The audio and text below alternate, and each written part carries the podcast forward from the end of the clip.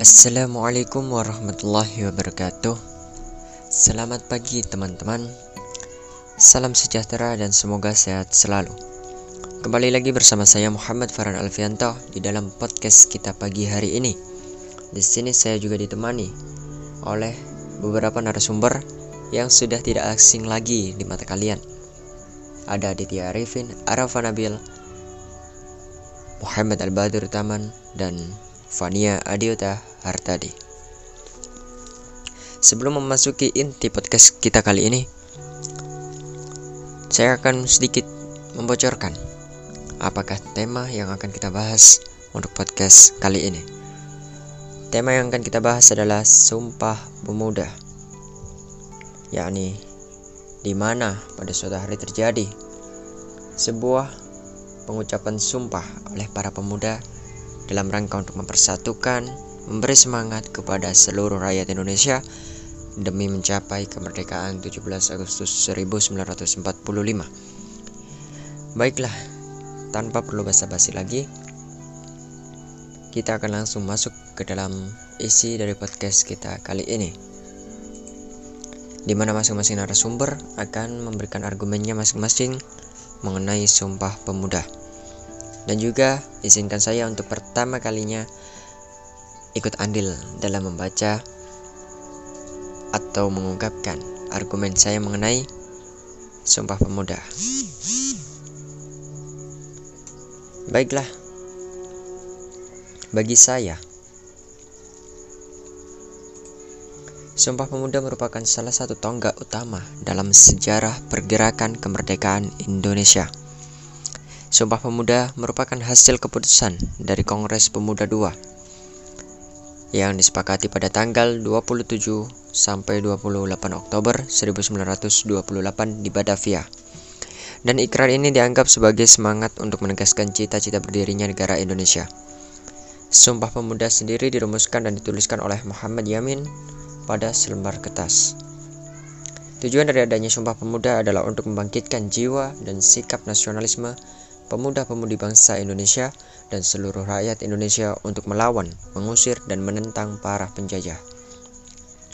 Adapun makna dari Sumpah Pemuda di antaranya adalah mengajarkan nilai-nilai persatuan, bangsa, wujud cinta tanah air, mendorong semangat juang pemuda, dan sebagai ajakan untuk menjaga keutuhan bangsa Indonesia.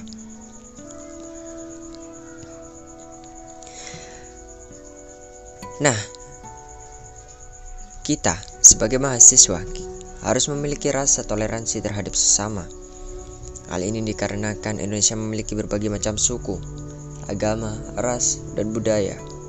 Oleh karena itu, wajiblah bagi kita untuk saling toleransi sesama bangsa Indonesia. Tidak patut kita sebagai warga Indonesia untuk melupakan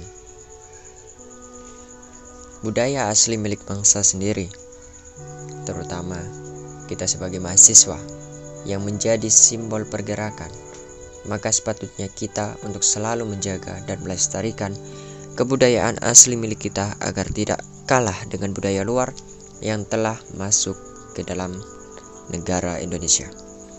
Dan kita wajib untuk memilah, memilih apakah budaya asing tersebut baik untuk kita ataukah justru malah berdampak buruk bagi kita dan negara Indonesia. Dan tak lupa kita sebagai mahasiswa haruslah untuk menjunjung tinggi bangsa bangsa bahasa persatuan yakni bahasa Indonesia. Karena dengan adanya bahasa Indonesia, maka Indonesia mampu bersatu dan mencapai kemerdekaan. Karena pada awalnya Indonesia masih terbagi dari terbagi dari beberapa bangsa. Ada bangsa Jawa, Sumatera, Madura, Sulawesi dan sebagainya. Dan mereka masih menggunakan bahasa mereka masing-masing. Dan itulah yang menghambat terjadinya persatuan di Indonesia dan lamanya penjajahan di Indonesia.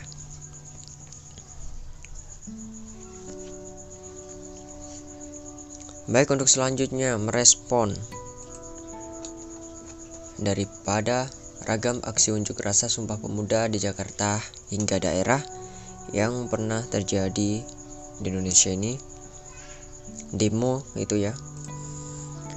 Nah sebenarnya aksi demo atau unjuk rasa tersebut bisa dibilang efektif karena dapat mengkritik kinerja pemerintah terutama presiden agar dalam tahun berikutnya bisa berjalan dengan benar dan efektif. Dan kita sebagai mahasiswa turut serta mempertahankan negara dari ancaman pemerintahan yang menyeleweng atau menentang kepada rakyat terhadap kebijakan yang dibuat oleh pemerintah tersebut. Pada demo yang terjadi pada saat itu, para mahasiswa menuntut kinerja Presiden Jokowi, khususnya dan pemerintah secara umum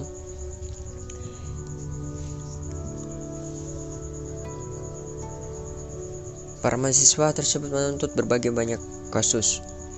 Salah satu kasus adalah permasalahan hak asasi manusia. Karena itu,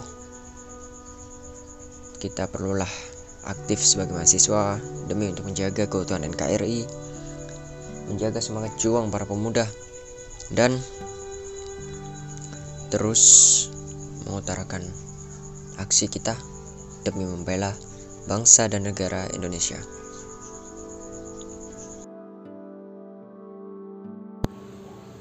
Di sini saya Aditya Rifin akan menjelaskan dari pertanyaan nomor 3 yaitu terjadi aksi demo yang dilakukan oleh para mahasiswa ketika memperingati Sumpah Pemuda.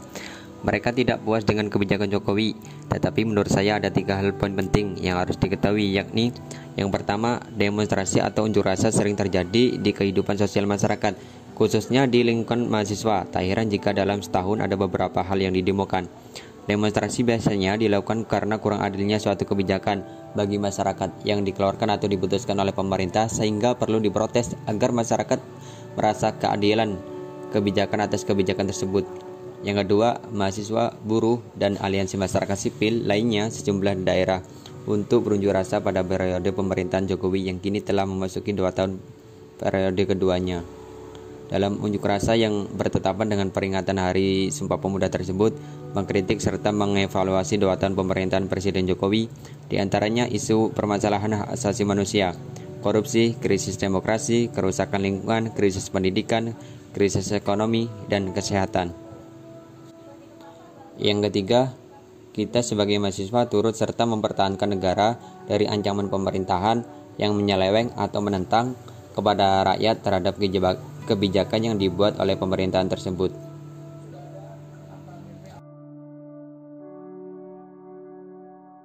Di aksi demo demo yang dilakukan oleh para mahasiswa ketika memperingati Sumpah Pemuda. Mereka tidak puas dengan kebijakan Jokowi, dengan pemerintahan Jokowi yang anti kritik, tidak demokrasi, dan melakukan semena-mena terhadap warga. Tetapi menurut saya ada tiga poin penting yang harus kita ketahui, yakni yang pertama yaitu dari mahasiswa sendiri kita juga bisa melakukan aksi demo untuk pemerintahan yang tidak adil maupun tidak bijak dalam melaksanakan pemerintahan. Karena negara kita menganut menganut sistem demokrasi yaitu menerima suara rakyat jadi mahasiswa pun juga boleh melakukan aksi demo. Poin yang kedua yakni dari pandangan pemerintahan. Pemerintahan Indonesia juga banyak melakukan kemajuan-kemajuan yang telah kita lihat hasilnya yaitu pembangunan jalan tol dari Sabang sampai Merauke. Mereka atau lebih tepatnya Presiden Jokowi telah melakukan hal yang terbaik demi melangsungkan demi melangsungkan ekonomi yang berkembang di negara kita seperti halnya mempekerjakan tukang untuk membangun jalan-jalan tol. Itu kan telah membuat ekonomi masyarakat menjadi terangkat dan kemudian jalur-jalur ekonomi yang akan dilakukan oleh eksportir-eksportir ataupun importir-importir sehingga bisa memasuki wilayah tersebut yang tidak pernah terjangkau oleh kendaraan sekalipun. Seperti halnya Provinsi Papua yang tidak pernah tersentuh kendaraan lebih tepatnya daerah-daerah yang timur.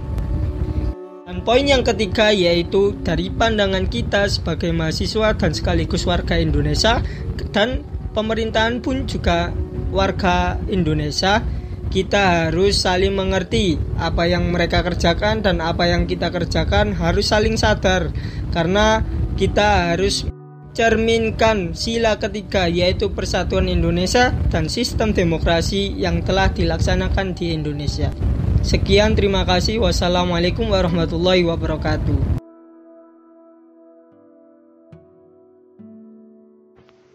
Dalam konsep kewarganegaraan, mahasiswa menunjukkan kebebasan untuk warga dalam memiliki hak untuk dipilih atau memilih atau bisa disebut dengan bebas politik dan warga negara Indonesia diberi kebebasan dalam menyuarakan pendapat atas pemerintah dan selalu mengedepankan kesepakatan bersama demi terwujudnya kesejahteraan.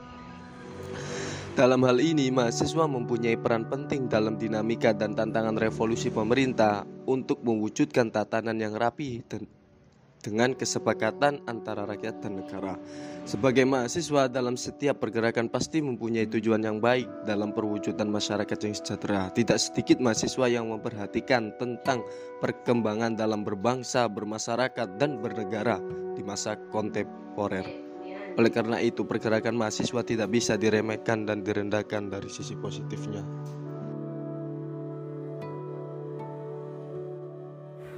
Pembahasan yang ada dalam berita rekam aksi unjuk rasa Sumpah Pemuda di Jakarta hingga daerah, saya Fania Adyuta Hardadi menangkap ada poin penting dalam berita tersebut.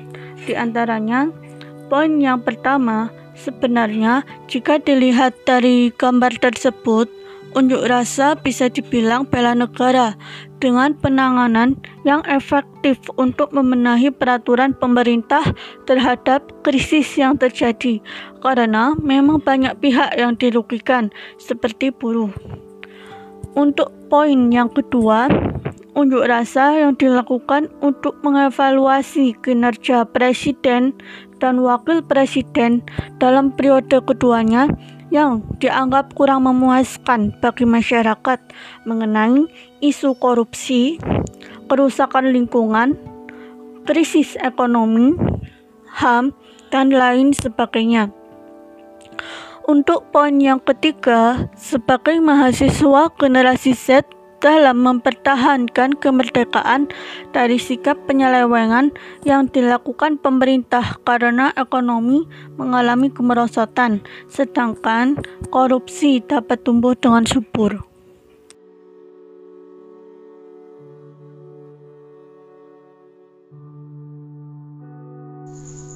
Baiklah, terima kasih untuk para narasumber yang berkenan untuk memberikan argumennya mengenai Sumpah Pemuda dan juga salah satu permasalahan yakni demo unjuk rasa Sumpah Pemuda yang terjadi di Jakarta beberapa waktu lalu.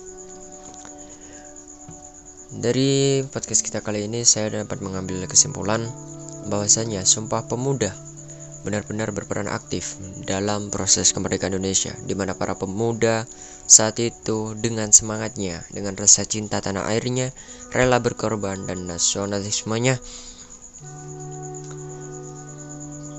mendesak Presiden Soekarno untuk segera memproklamirkan kemerdekaan Indonesia.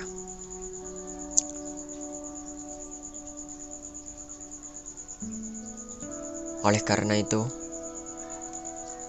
mempelajari dari kisah tersebut, dari sejarah tersebut, bahwasanya kita sebagai warga negara Indonesia, sebagai mahasiswa khususnya yang menjadi lambang dari pergerakan, maka kita wajib, kita harus untuk senantiasa memiliki semangat, juang yang tinggi, memiliki rasa cinta tanah air, memiliki rasa bela tanah air demi untuk menjaga keutuhan, persatuan, dan kesatuan negara Republik Indonesia kita yang tercinta kali ini. Jangan hanya tidur, bangunlah, bangkitlah, karena Indonesia membutuhkan kita. Bahkan dunia membutuhkan kita. Mungkin itu simpulan singkat yang dapat saya sampaikan pada podcast kita kali ini. Terima kasih untuk para narasumber khususnya dan untuk para pendengar semuanya karena masih setia untuk mendengarkan podcast kita kali ini dan menyempatkan waktunya untuk mendengarkan podcast kita kali ini. Saya Muhammad Farhan Alfianto, pamit undur diri.